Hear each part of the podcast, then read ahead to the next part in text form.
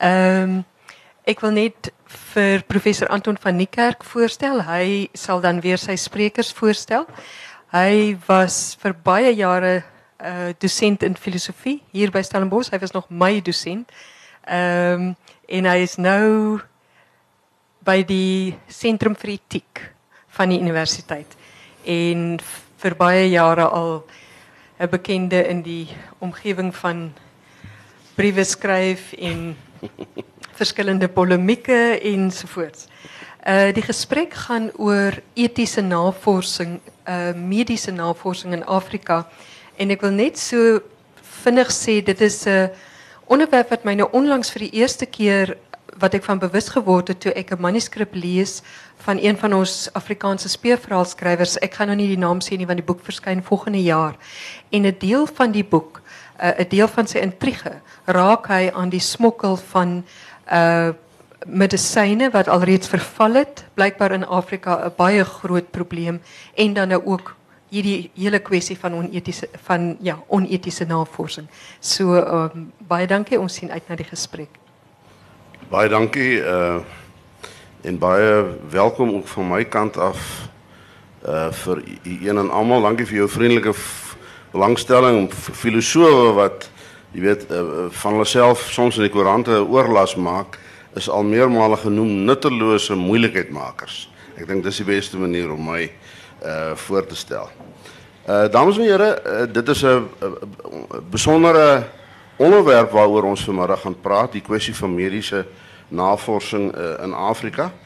Uh vergun my ook om net 'n besondere woord van welkom ook terug aan Dr. Edwin Hertzog daar in die gehoor wat ook uh, uh die dryfkrag agter hierdie uh byeenkomste is in die sin dat hy en die maatskappy met die kliniek uh, jaarliks 'n baie ruim borskap uh, beskikbaar maak en dit is nou ek dink die derde of die vierde keer wat ons uh uh weet dit doen uh word nou al 'n instelling op die woordfees.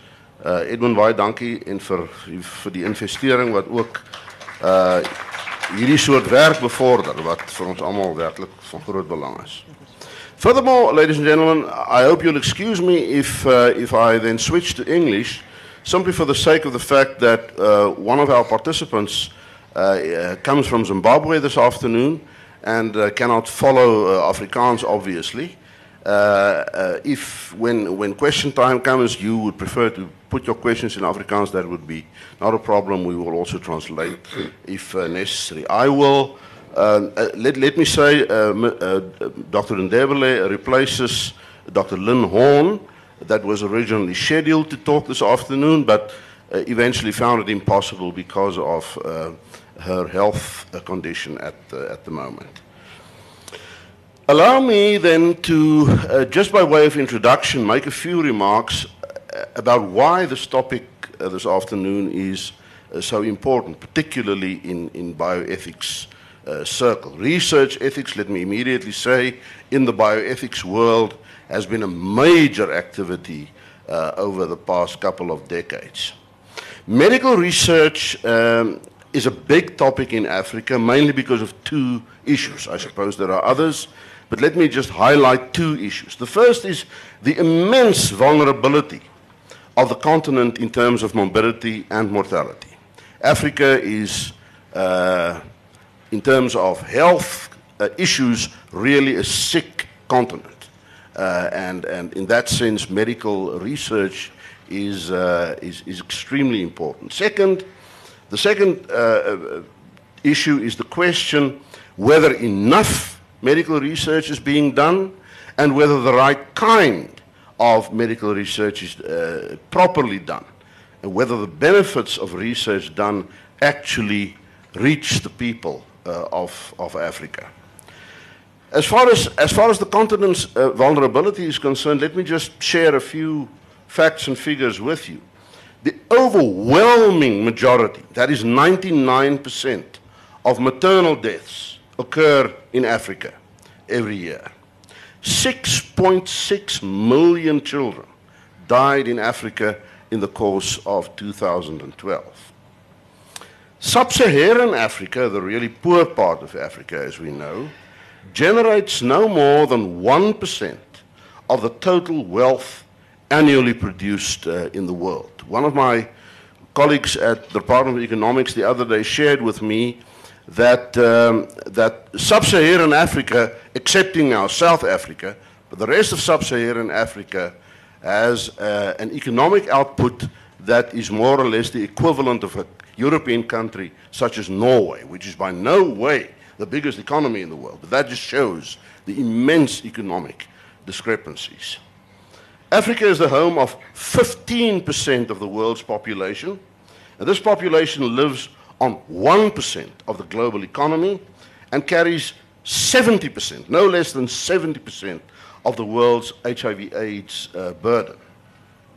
The 2010 health expenditure report indicates that 84% of the global health expenditure is directed at 18% of the world's population. That's the famous 80-20 divide. Eh? So the annual per capita spending on healthcare in the United States, which is the highest in the world, is uh, around about $8,700. That is what per capita is spent on healthcare in the United States. Compare that figure, $8,700, with uh, the amount spent in a country such as Mozambique, which is something like $49 per capita. Just shows you the unbelievable discrepancies that we are talking about in terms of uh, healthcare. Now, as regards the second issue, namely whether the right uh, research is being done and in the right way, the first point to make, of course, is that one of the major agents in medical research in the world is, is the large pharmaceutical corporations uh, operative in this respect. And they are companies that are primarily interested in making money. It is understandable. Um, and for that reason, Africa is not always necessarily a priority. Uh, the, the, the, the, the biggest scoop for a large pharmaceutical company would be a drug that effectively prohibits uh, obesity or graying of the hair or wrinkles in your face. That's the stuff that will really make a lot of money for them.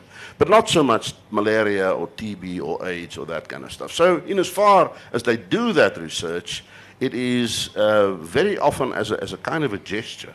So, that is one issue uh, that, that, that is often problematical.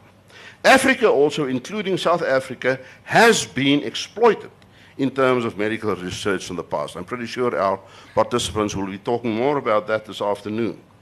A country such as South Africa was at one point regarded as a so-called researcher's paradise because of the lack of oversight and rigorous review of research practices. That has now fundamentally changed over the past two decades. But there was a time when the rules and regulations that determine moral and efficacious medical research were not operative in the African uh, continent. A central key to ensuring relevant, responsible, and for participants safe research practices is the institution of research ethics committees, about which we will be hearing uh, much more this afternoon. And it is in that respect that this book uh, was, uh, was compiled. And uh, I, th I, think two years ago, Mariana, it was published yeah. with the title Research Ethics in Africa, a resource for research ethics uh, committees. Professor Kruger, uh, Dr. Ndebele, and Lyn Horn, our colleague that couldn't be here this afternoon, they acted as uh, the editors of this very, very valuable resource for research ethics committees about which we will then be hearing much more this afternoon. With those few remarks, I conclude my, my introduction, and it is a great privilege then for me to introduce first uh, Professor Mariana Kruger to you. She is currently head of the Department of Pediatrics and Family Medicine at our medical school uh, in Tygerberg. We've known each other for many years. I even have the privilege to be able to call her an ex-student of mine. Uh, she is the co-principal investigator for the South African Research Ethics Training Initiative uh, that is located at the University of KwaZulu-Natal and in which she has been very, very active and uh, on the basis of which work this book has also uh, come into being. She's a, she's a highly important figure in the research ethics scene in South Africa and I'm now uh, calling upon her to uh, make a few introductory remarks on her part. Thanks, Marianne. Uh, thank you very much, Anton. Uh, just because I do see Professor van Velde here, uh, I'm not family medicine, but child health, so pediatrics and sorry. child health. Uh, but uh, Anton is been, has been my teacher in philosophy, and uh, I have to honor him because that's where it started.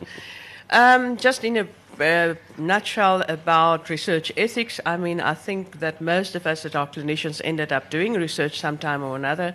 And perhaps because we did some unethical research, we ended up in philosophy. Um, I did my PhD in Belgium, and we were collecting cells from students, well, blood from students. We'd say to them, Come by, and we'll give you so many francs for a tube, and then we would play around with the cells in the laboratory.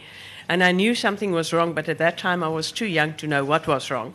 But later on, you realize that you didn't ask them for informed consent, you didn't tell them what kind of research you were going to do with the cells. Uh, Fortunately, I was working on monocytes like our vice chancellor was working in macrophages, and we didn't do any harm, but there could have been harm. So what happened is that about um, there was a lot of research, as Anton has introduced very, very in, uh, uh, briefly. Uh, a lot Africa suddenly became a very important area to come and test new drugs because here was a wonderful opportunity of uh, patients that have not been exposed to medicines yet, and they pose an ideal population to do research on. And of course, one gets concerned because they do not have access to knowledge. Internet wasn't really, uh, isn't still that freely available to everybody. Uh, education levels vary. And so, about uh, good, yeah, it was around about 2000. A group of us came together at the time, a Fogarty International uh, Center at uh, the National Institutes of Health of the US became very concerned that their researchers are doing research in developing countries, but there are no research ethics committees. And how can you really make sure that you are not doing harm to the local population? So Fogarty started uh, funding teaching programs uh, for specifically research ethis- ethics and specifically to institute research ethics committees. And we came together between University of Pretoria, where I was at the time, and University of KwaZulu-Natal, uh, Carel IJsselmuiden and myself, Doug Wassenaar, and we applied and were successful with a grant uh, for a program in masters, uh, a master's in social, research ethics.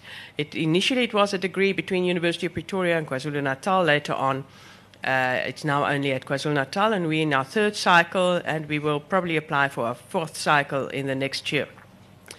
What then happened is we aimed at professionals in Africa to come down to do a research ethics um, masters. And the first year was a modular based, and the second year they went back to their countries to do research in research ethics field so that we can actually generate data of what is going on and also to institute or improve local uh, research ethics committees. And the program has been very successful, and that's why we have been funded uh, successfully by Fogarty for a third cycle.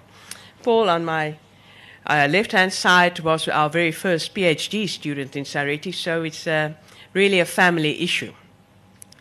Then, about uh, in 2010, Lyn Horn, who did the master's with me in philosophy under Anton's, An- Anton's tutelage, came to me and said, Hey, what about we, we think in terms of having a workshop and just hear what, what our colleagues are saying, what are the current research ethics issues in Africa?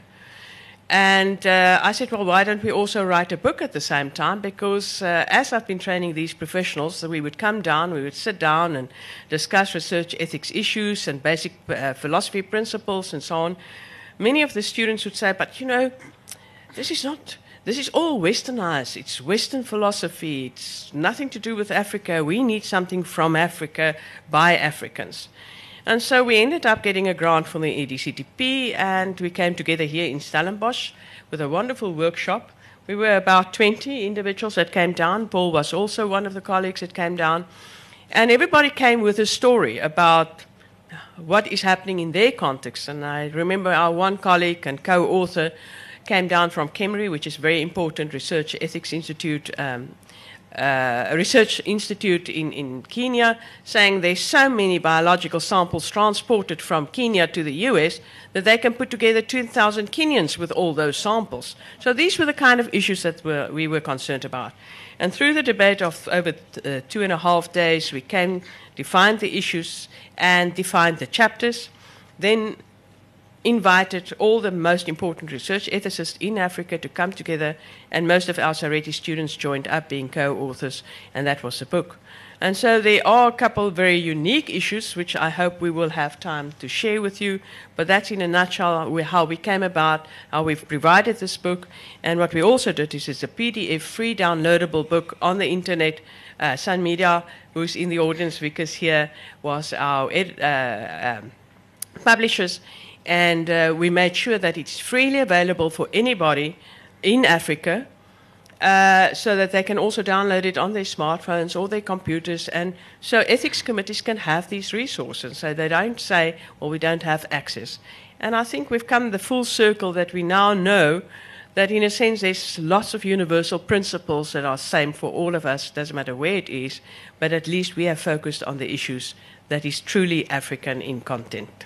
Thank you much, uh, Mariana. This, I mean, it is pretty remarkable. Uh, that's why this is not a commercial event. We're not trying to sell you a book. If you want, you're interested in the book, you can simply go and download it. It is, it is free and available for everyone. It's now my privilege to introduce Paul Ndebele, Dr. Paul Ndebele, who is currently the director of the Medical Research Council of Zimbabwe. Paul has a remarkable background in the sense that he uh, isn't uh, a, medic primarily. He studied sociology for his initial degrees and later on moved into demography, he tells me, uh, and then uh, followed the, the, the, PhD in research ethics that Mariana was, uh, was referring to. Uh, thank you very much, Paul, for coming down all the way from Harare. He flew down yesterday and he's flying back tomorrow.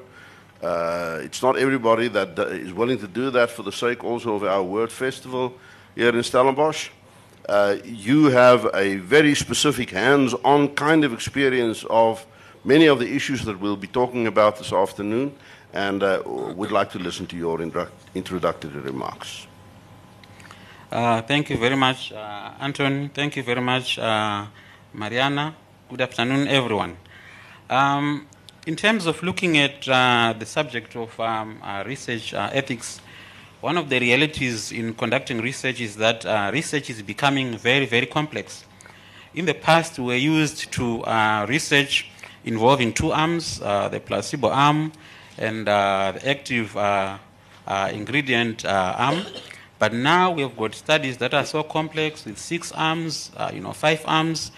We're even talking of new designs, the so-called adaptive designs, where things are just not so clear right from uh, the beginning. And also from uh, uh, expressed by Mariana, um, international research is growing across Africa. And yet, uh, African countries, in terms of development of research oversight, are at different uh, stages. Fortunately for uh, South Africa, there are some structures and procedures that one is expected to follow when conducting research involving humans. And yet, unfortunately, for a lot of African countries, there are no structures at all, there are no procedures uh, at all. So, if you are looking at that research, which is sponsored by uh, rich countries and is conducted in uh, poor countries, lots of uh, you know the African countries uh, with weak economies, there are always issues around uh, exploitation, concerns that um, some research which cannot be conducted in the rich countries ends up being conducted in a lot of uh, the poor African uh, countries. So there are issues there about relevance of uh, research. So if you just consider that, then you realize there is need uh, to have structures in place to review that research to ensure that it is actually relevant for the needs of uh, the countries in which uh, the research is going to be conducted. Mariana touched briefly on uh, research ethics training uh, activities that are ongoing in Africa. So for now, there are about uh, 12 or 13 uh, programs that are training uh, colleagues from the sub-Saharan African uh, region in the area of research ethics. And I'm proud to say that I'm, I'm actually associated with four of those programs, including two that are no longer functioning. So I'm actually participating in two of those in different um, uh, capacities. So the idea then is to ensure that the African continent uh, is equipped with uh, individuals with uh, thinking skills uh, in terms of looking at research proposals and also even in terms of working uh, with researchers in designing their own protocols to ensure that those studies are actually conducted uh, using standards that are internationally uh, acceptable. And as Anton mentioned, uh, if you look at the issues around uh, you know, poverty in Africa, there are issues then of limited access uh, to uh, healthcare to the extent that some individuals actually participate in health research projects as a way of accessing uh, healthcare. If you look at that in itself, there are then implications with regards to informed consent. So when people are agreeing to participate in such studies, are they participating because they understand what it implies for them to be participating in that research, or they are simply jumping into that particular uh, uh, research for the benefit of uh, you know, uh, the monetary uh, payments or other benefits, including even the treatments that they receive as part of uh, the research. So, in terms of looking at uh, uh, understanding of uh, research, uh, I then decided that for my PhD, I would concentrate on the question do trial participants actually understand uh, the studies that they are participating in? So, there are lots of studies that have been conducted in the past that have actually confirmed that the majority of trial participants actually do not understand some important issues about those uh, studies. So for me, I was actually trying to break down understanding to say, how can we end up satisfying ourselves that these individuals really understand about this particular uh, research? And for me, I'm looking at appreciation of the implications of one's participation in research. If one understands the procedures about the research, and also if one understands what it means to himself or herself to be participating in that study, then to me, I'm actually satisfied that this person understands issues about this particular uh, study. So, interestingly, there are ways that researchers can actually use uh, in terms of ensuring that participants understand, including even checking on the understanding uh, of those uh, participants using various ways, including even um, uh, uh, quizzes. Uh, at the moment, HIV is a serious problem for a lot of uh, uh, our countries across uh, Africa, and there are lots of prevention studies that are being conducted. We're looking at microbicide studies, we're looking at vaccine studies. If you look at the majority of these studies, they actually recruit participants that are, are HIV negative. And that actually has implications in that you are inviting someone at this point who is not aware of their status, and then you actually take them through the screening procedures, and then you end up screening out those ones who are HIV um, uh, positive, so that you end up with those who are HIV uh, negative. In that, just by the, the screening itself, you may actually end up uh, you know, uh, with some of those that are screened out being labeled, because already it's clear that they are not participating in this study, it actually means that they are HIV positive.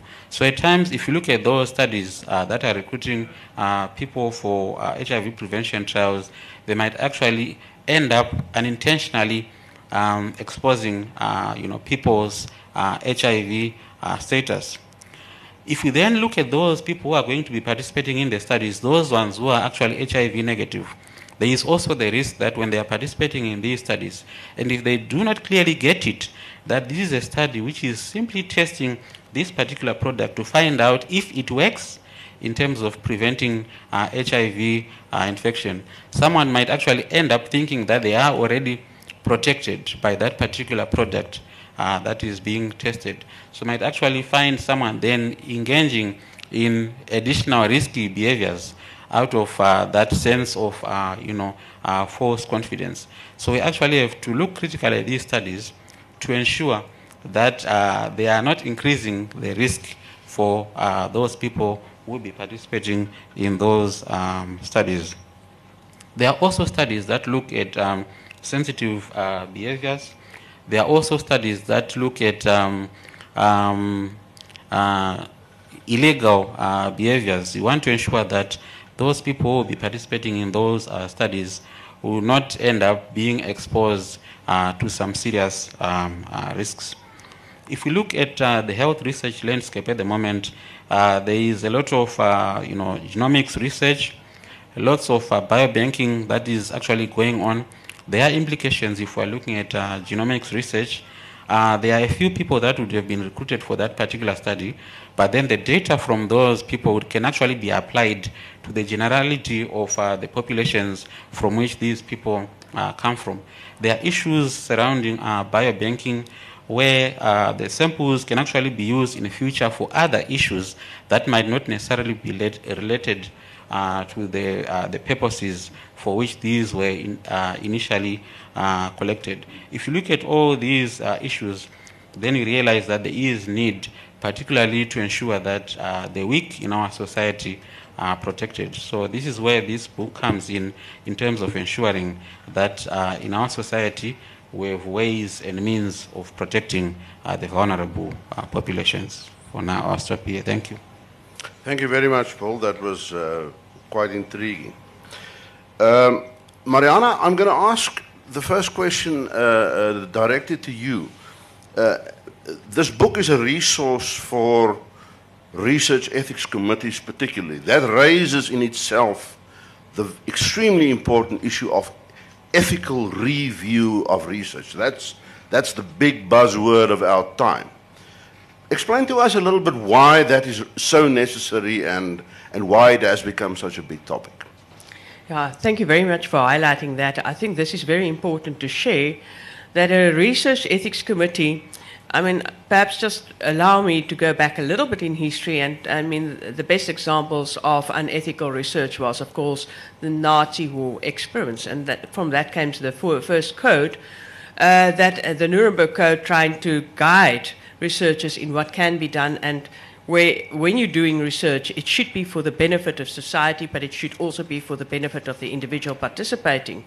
And we know that those uh, experiments actually, death was the expected outcome. So, what was interesting about the code of, con- of, of, the Nuremberg Code is that this was in the US a secret document until the, the late 70s, and it didn't really influence and protect subjects. So, when we're dealing with, with research, um, as a researcher, I have a research question, and we all know how inquisitive we can be, and then we want to drive and get our answer. And in the process, when you're involving humans, in this research question, you may forget, but they should actually benefit from what we are trying to establish. And this is where this uh, research ethics committees comes in. Now, in, a, in the individual patient-doctor relationship, you build up a mutual trust between the doctor and the patient, and it's direct. But the minute I put the researcher hat on, I actually have a research question, and that takes me different from my clinical responsibility to the individual patient. And one way to make sure that we keep the trust of the public in the researchers, who are also very often clinicians, is to have an oversight committee that just their main task is only to make sure that there's no harm coming to the participants and that they're actually well protected. And in the process, uh, one has to also really take off all the layers. What does it mean to protect the subject? The first thing is to respect the person and make sure that the person understands exactly what's being done, why it's going to be done, and that the person can give individual consent, because that was the very first abuse in previous research, is that uh, doctors tend to be paternalistic and just did things without really getting individual consent. And the second thing is then really to carefully look what is the benefits that may result and we talk about potential benefit because when you start research you are not yet sure that you are going to produce benefit. You think you are going to produce benefit and you hope it's going to be benefit but it's not necessarily the case. And then you have to weigh it carefully against the risks that are going to be in the study. And there can be several risks. I mean it can be physical risk with a new drug with an unexpected outcome it can be social risk if I do a questionnaire and I suddenly ask a group of people uh, uh, questions that are very personal. It can cause them, especially uh, if you look at, at, at uh, so members that have been traumatized already, they may be traumatized just by having to go through that questionnaire again. It can be economical because participants now have to travel far and it's out of pocket expenses. So there's several types of risks. And so, a research ethics committee is really there to make sure that there's trust from the community immunity uh, to the researchers who are doing the research and that there's no harm that's going to come to them. And so, basic bottom line, it's protection of the individual that's going to participate. And so, uh, it's quite stringent in, in that, and this is why we need to train. Uh, professionals to understand research ethics and be able to understand the philosophy behind it. Yeah, so the interesting thing emerging from that is that very often, you know, one, one, one comes across people who say that participants in research, and incidentally, that's the politically correct term, not research subjects anymore, but research participants, they shouldn't take unnecessary risks. What Mariana, I think, has been saying, amongst others, is that, uh, th that the responsibility of identifying and avoiding the risk actually moves away from the participant and towards the, the Research Ethics Committee. That, that, that is the, one of the intriguing things.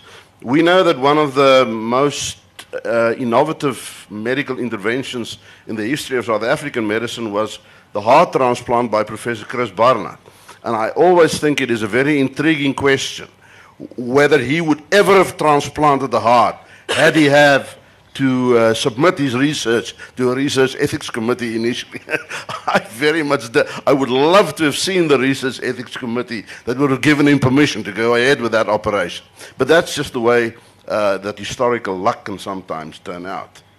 Um, Paul, you, I think you did at some point raise the, the very important issue of the payment of uh, uh, research participants. Um, that is a highly controversial issue. Should one actually pay people who participate uh, in, in research ethics, or how should such remuneration uh, indeed be understood? Um, and maybe, maybe you would like to make a few uh, remarks about that. Uh, thank you very much for that question. You have rightly uh, pointed out that the issues around payment are controversial in so many ways. One, the question that we can ask is what are we actually paying for? The yep. second question is how much can we actually pay uh, to someone for participating uh, in, uh, in the uh, research? So, when actually looking at the issues around payment to participants, we're actually looking at uh, issues around judgment. If we're actually looking at the amount that we're going to be paying them, and then looking at the decision that they have to be making about participating in research, are they going to choose to participate in the research because of the money? Or are they going to choose to participate in research because they are interested in participating in research for the benefit of uh, mankind? An example that I always give is that of offering someone uh, $10 and then invite them to participate in a study that involves uh, some jabs with those very, very huge uh, uh needles. And then someone says no, and then I ask, why uh, have you, are you ref refusing to participate? And then they say, nah, it's too risky. And then I say $20, they still say no. And then I go to $50, then they say yes. And then I ask, why have you now decided to participate? And then they say, because of the amount, I can actually buy A, B, C, D, and even send my vehicle for repairs. So if you're looking at that particular person, it actually means they've decided to participate because of the money that is on offer. So these are always the concerns uh, that you know I express around the issues on payment. So the idea being, let's not just focus on uh, the monetary, you know, payments, but we can actually look at other ways of, uh, you know, compensating uh, people. Some which actually are indirect, uh, of course, including the little payment that is uh, provided to cover, uh, you know, expenses like transport, etc. It is a daunting idea that you might encounter people in the world that are professional guinea pigs for medical research. They, that's the way they make a living. Eh? They go around and making themselves available for all kinds of trials. I think that is something that, uh, you know, that, that kind of sounds pretty strange. On the other hand, as you indeed say, when costs are incurred, particularly by poor people, uh, why, why not? There are, if I'm correct, can you remember, Mariana, the, the, the kind of guidelines that have been formulated uh, Yes. in South Africa in any case for In, remuneration. in South Africa at the moment, it is really truly look at out-of-pocket expenses and and uh, what a loss of income having to come in for study, so that uh, because we do have the situation of, uh, that persons will participate purely for the amount, because that is usually more than that. So there's no amount really stated anymore, but it's really looking at what the loss of income will be, what the out- out-of-pocket expenses will be, and then very often that you should offer them meals and things like that, so that um, they are uh, compensated for the time. Yeah, particularly because one is working by and large with poor people, one wouldn't want to, uh, uh, you know, deny them the opportunity of also getting some form of compensation. In that sense, I don't think it, it would be fair to um, to discriminate. Um, when a research ethics committee assesses a research protocol, the first thing that they are taught that they ought to do and be able to do is to make what is called a risk benefit assessment. In other words, an assessment as to whether the possible risks that are involved in this ensued research are such that they, that they, um, they justify the research to be done in spite of possible negative outcomes. So that, that balancing act must be done by every research ethics committee. Can you, uh, Mariana, uh, uh, speak a little bit more about that? What does that entail and how does it, how does it uh, uh, turn out in practice? Yeah, thank you very much for that. And I think Paul has referred to, to this somewhat that research is becoming far more complex than ever before, especially now that we have biological sample collections and genetic testing, and where you look at genotype testing, meaning that you look at what the genes are doing and how the genes will respond to specific drugs, because we know that influences the process in, in, in an individual well. So when you get a review protocol, I mean, you really start looking at the design, the scientific design of the protocol, and you look what will be the potential benefit. And that can be quite clear when you say, well, I'm going to test medicine A and I'm going to see whether this will cure disease B. Uh, and that is, that is what you think is going to be the benefit. And then, then it's a relatively easy one because there's direct benefit for the participant. Um, and now you're going to look at what are the side effects and the potential uh, problems that already happened uh, in animal models or in previous trials that were done. And I, perhaps I should just briefly say that when we try to get a new medicine registered, I mean, it's usually about a 25, 30 year process where you start from a test tube testing a new substance and then taking it to animal models and then taking it to phase one trials where you just look at safety data. Then you come to a phase two trial where you now start seeing whether there is efficacy, whether it is working for that condition.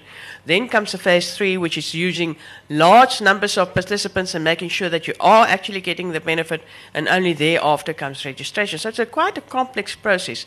But it's clear this participant is going to get individual benefit, and so this is a standard clinical trial that we usually think of when we're doing research. But if we take these phases that I'm talking about, when we're doing a phase one trial, now we're just looking at safety data. We think it may eventually have potential of benefit, but it's not really proven yet. And so now you have to really look what kind of side effects are going to happen. And this is actually why I'm doing a phase one trial. So it can be that this research, research may pose more risks to the individual than any benefit. Uh, and usually we talk in this category of what you think you are going to get some generalizable information that you can use for the class of patients, but is not necessarily benefiting the individual. Uh, very often, also, just when we are trying to research uh, a, a disease process, you look at information you're going to gather, which is generalizable knowledge, but you, it may pose risks. And so you carefully weigh this. So we have four risk categories that we talk about. The first one is minimal risk. And minimal risk is defined as daily risk in everyday life of a stable society. Now, I think you're quite sure that we won't say that South Africa is daily stable or has minimal risk. I mean, you. Or, oh, yeah, we- or I wanted to say, oh, or risk free. so, so one wanna, will have to try and define now what, what will be a good example of a stable society and minimal risk. And I suppose I usually say to the students, I think Finland is probably the best because you forget your, your phone in the bus, and a week later you can still go and collect it from the bus driver because he's kept it for you because nobody will steal it. So perhaps that's everyday life. So it's quite difficult to say, but that is where we now sort of post questionnaires, and most of you have participated in some way or another, where you get this internet survey saying, please tell us about your ideas about whether uh, this hospital works or does not work. Uh, it cannot really stigmatize you, it's anonymous, there's minimal risk for you as a participant to quickly uh, complete a survey, and there you go. The next category is then where we talk about the standard clinical trial. It's a new medicine, it's going to benefit the participant, it will cure disease, and that you can clearly see this will work. But now you have to look at what are the other risks in the, in the protocol. Are they going to use too many blood testing and uh, huge volumes, especially becomes important in children? and everybody's forever upset in Stellenbosch University for my guideline about the blood volumes that they may take from children in research. They always want to debate this issue, and since I'm the head of department, can be quite a conflict of interest there. But um, so that is another uh, where one has to look. That can pose a lot of risk to a, a baby if you take too huge blood volumes in this tar- trial. The next is uh, then where we look at generalizable knowledge, and the last is where Chris Barnard would have been, where you, you, you really think there's just too much risk. And it's res- we call it research that cannot otherwise be approved. And that is usually currently, in most situations, then deferred to higher authority, the national departments of health, and so on, where they really put a panel together to look at all the pros and cons, really weigh carefully. And usually that research will not easily be able to done, be done. And yet, uh, if one thinks of the most remarkable breakthroughs, eh, take the, the chemotherapy regimens that we have for, for uh, leukemia and lymphomas and so that are so successful, how enormously hazardous it might it must have been for the original subjects who first subjected themselves to those kinds of regimens. Uh, I must keep my eye on the watch, which is uh, ticking alarmingly fast. Paul, uh, what about traditional medicines? We're living in Africa. And there are a lot of traditional healers, and they would like, and very often are part of the healthcare system. And they, I don't know, do they want to test their mutis uh, in, in, in some way or another? What about research uh, in the context of uh, traditional healers or traditional medicine?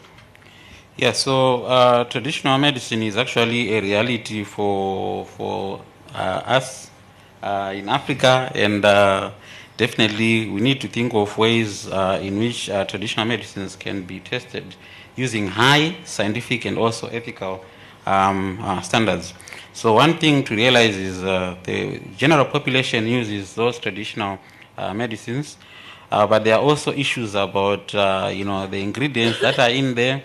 There are issues about um, you know how the, the the the plants are supposed to be harvested and all those tricky uh, you know bits. So the idea is to find ways in which these can still be tested whilst accommodating uh, those you know funny tricks in terms of how it's supposed to be harvested, what type of containers, uh, issues around measurement, and so forth and so forth.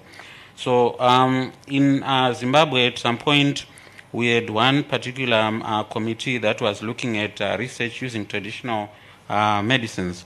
So the traditional healers were actually invited, uh, you know, to come forward uh, and register their studies. We actually had uh, a few cases of some who came with their protocols, and they were actually approved, and they proceeded to conduct their studies, going even up to the point of analyzing and even publishing. So yes, there are ways in which traditional medicines can be accommodated in terms of uh, reviewing, but we actually have to realize that the reviews actually have to follow some kinds of you know different procedures as compared to uh, the standard way of uh, doing things.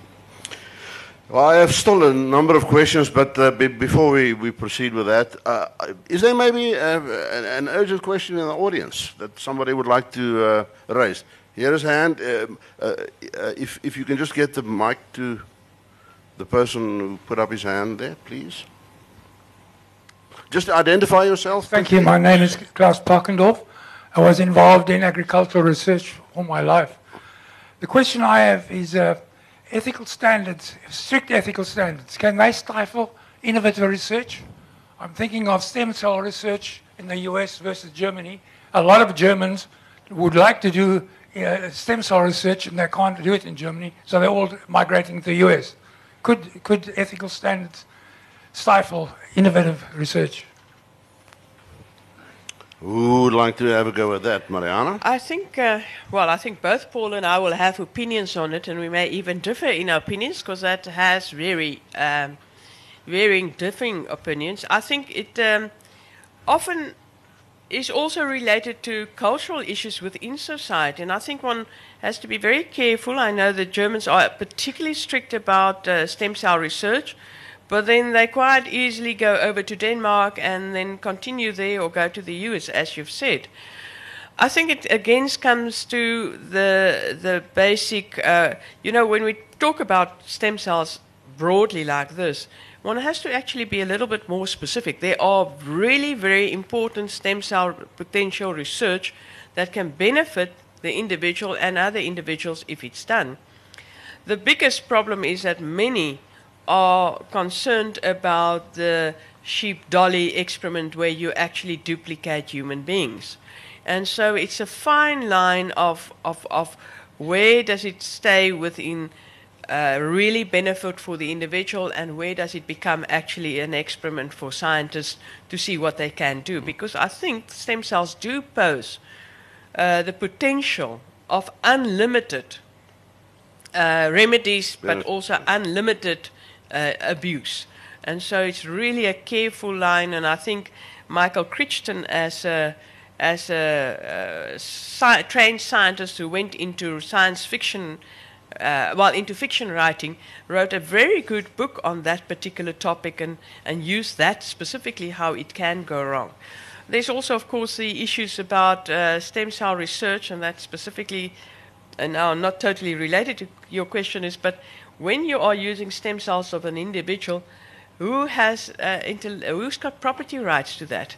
Because you're taking perhaps from a patient, and you actually develop something that, and this is what's happening in cancer treatment, that now can benefit other patients. I mean, we're now into cancer vaccine trials and uh, the individual who originally had the disease, do they have any property right to the uh, gen- uh, potential income that will be generated down the line? You, so there's many issues around stem cell research. Uh, European context, I think they're far more stringent, the European Union at the moment, than the US. But even the US, and um, sorry to say, but I think it also depends on who's in office. Uh, whether it's democratic or republic, because then the, the, the research can be also more controlled or less controlled. So there's quite a wide range of, and it actually, in, in, in effect, reflects cultural norms of society. Well, let me just say from my side, one would hope that what stifles research is not ethical standards, but is inadequate protocols, you know, inadequately conceptualized research. But that the, but that the, uh, I, it, would, it would really be a tragedy if the ethical standards as such um, stifles research that could really be of benefit to, to humankind. Is there another is there another question from the audience, maybe? Yeah, at the back. Um, yes, um, just a member of the public asking a question here. My name is Marius. Um, what I want to ask over here, Professor, to your to your left hand side. Can I stand? Oh, yeah, yeah, right. Thank you. Please. Um, I just want to ask just a uh, just a question, just just for myself. It's not a political question. Um, the medical industry today is built on the shoulders of, of many people in the past that have done things that I most probably shouldn't done from an ethical perspective. That's why we are here where we, we are today in terms of progress in the medical profession. Now, we now want to draw a line in the sand um, in terms of ethics, which is a, the right thing to do. But how does it? How will this impact on, on future research because we still don't have answers to many, many um, diseases. Uh, the, the, the, let's call it the large killers in the world, uh, like malaria, cancer, etc. But we, we're putting rules and regulations in place now, sometimes not driven by ethics, but sometimes driven by political correctness agendas. Um, how will this take us into the future to determine that we, as our future generations, will reap the benefits as we are reaping today because of things that people did in the past? Paul, do you, would you like to say something? Yes, um, thank you. I think I'll try and relate your question to the, uh, the first question that was asked there uh, by referring to one article that I read a few weeks ago. Uh, the title was Are We Acting God? It was referring to uh, these uh, scientists that are genetically modifying mosquitoes for, uh, for the um, dengue fever in, in, in Brazil. So if we are looking at all these uh, issues, we are looking at our, our views, we are looking at our, our, our, our beliefs, but also relating to that first question, I want to touch on what we refer to as ethics committee shopping or ethics committee hopping, where one then realizes that you can't do this in this particular country, and then you move to this other uh, country where you can actually conduct your studies uh, successfully. Going back to uh, the second question, um, what we need to always realize is that uh, even the international ethical guidelines are always changing. There are always discussions that are being held uh, about, about certain, certain issues. So even as we move into the future, uh, these international documents will continue uh, being refined uh, to accommodate even the views of uh, the generations that are going to come after us. You remember, if you're looking at the Declaration of Helsinki, it was 1964, the first version. Now we are looking at uh, the 2013 version as the recent uh, version. So what I want to say is uh, our ways of thinking change as we move uh, with, with the times. So as those generations come in the future, they will have their own views about what is permissible and what is not permissible. And so it will actually be possible to conduct even those high-tech uh, studies that will suit them in the future as we are doing uh, now. There's Thank you very a- much. There's just another aspect to, to your question, which I think is very important. Uh, uh, that is who, dis- who sets research agenda or sets uh, research priorities. And, and I must say, I'm quite passionate about it. If we look at Africa as a whole, at the moment, there are most kind of pharmaceutical industry is extremely interested when it comes to tuberculosis research and to HIV research. But when you talk about non-communicable diseases, which are killing at the moment quite a huge number of the population, cancer, uh, cardiovascular disease, hypertension, cervix carcinoma, for instance, is the biggest killer of women uh, on the continent, and until recently had very little interest. So um, that comes to me back to that the individual researcher or ethicist or clinician also needs to find a way of, of, of uh, propagating for the particular context and the specific disease. Now, in our, uh, since I'm dealing with rare diseases and I'm primarily a pediatric oncologist, but dealing with quite a number of rare diseases, they are not interested, and specifically in children. Pharmacy is not interested because they're not going to generate revenue from these rare diseases. So we have created all sorts of ways to get rare diseases research into the domain because these patients, why should only numbers dictate who should get better medicines in future? So there's quite, it's a very complex issue, and I think it's really for us as individuals, when we're passionate about a disease, malaria, for instance, in Africa, then we should become advocates for it. Uh, and it's for anybody. It's not only, it can be the public, it should be the patient. Uh, for rare diseases, it's specifically the parents of children with rare diseases that are the strongest lobbyists at the moment in the world to get new medicines for them, because otherwise nobody would be interested. Thank you very much. Uh, anybody else? I thought I saw a hand right at the back there. Sorry about uh, just now. I, I got confused. Didn't see who was actually talking. Right at the back? Yeah.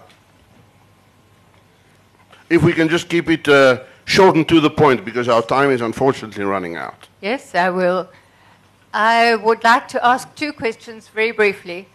The question of placebos and whether the protocol has emphasis on that and on people who are less sophisticated or even people who think they're sophisticated being able to distinguish between a placebo and its effect or non effect. Right. The other one is not research related, there may be, and that is who is the watchdog for people in very poor countries that sell their organs, for instance, kidneys, etc. There's, I think, quite a large market in that.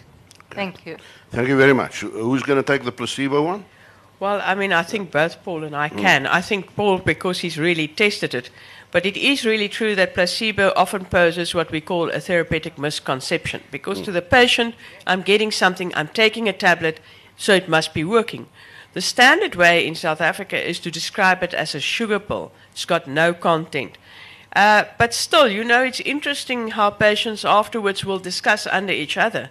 And if you go back, and this is why, in a sense, you consent and reconsent individuals in such a trial, and there's all sorts of more stringent re- uh, guidelines or criteria that you have to maintain as a researcher when you involve a, a placebo-controlled trial. So it's, it's, it's really a, a difficult one because therapeutic misconception is probably, from our perspective, the biggest problem, where, where the individual thinks, I am taking something and I definitely feel better. We, we talk about the placebo effect. And it is also related to this whole matter of what, who am I dealing with when I am a, a research participant? Am I dealing with a, with a researcher or with a doctor? The, uh, my only chance at healthcare eh, is, is this confrontation with this doctor. But about the other one, Paul? Yeah, uh, I want to go back to the placebo question by giving you a brief story about some women who were participating in a microbicide trial in, uh, in Malawi.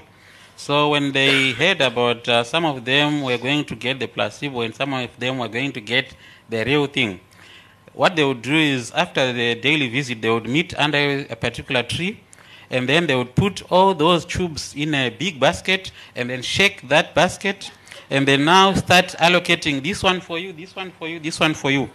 right? In that particular way, you can imagine what was happening there. So now I would get placebo active ingredient, placebo active ingredient. Next time when we come, the researchers are testing and they think that we were taking what we were supposed to be taking. And yet we're actually mixing all this. So people would always find a way. But from that particular um, uh, case, what I learned was these women were actually thinking that they were actually going to get protection. This is why they came up with this brilliant scheme in which they were going to distribute these equally amongst themselves so that they would all, you know, benefit. And then the issue of vulnerable organ donors. Uh, are there any watchdogs for them? Oh, I, Any- I, I actually wanted to say that that is a topic on its own, and Yes. perhaps that is what we should discuss next year, because that's now not within the research arena. But that is a major, major concern, and it happens specifically in poor countries. And um, it isn't, there isn't really a watchdog in those countries. There was a recent story about a person whom we met whose son went to China to teach English and died under, uh, under suspicious circumstances, and the body won't be released by China, but they think it was for organs that were stolen. So that is a huge thing, and we all know that China is not the easiest country to get access to, and human rights does not really have the same meaning as it does, for instance, in a democracy. Ladies and gentlemen, unfortunately, time has caught up with us. Uh, I hope uh, this past hour has given you some sense of the absolutely fascinating world of bioethics. Uh, all the kinds of problems, particularly the research related uh, problems.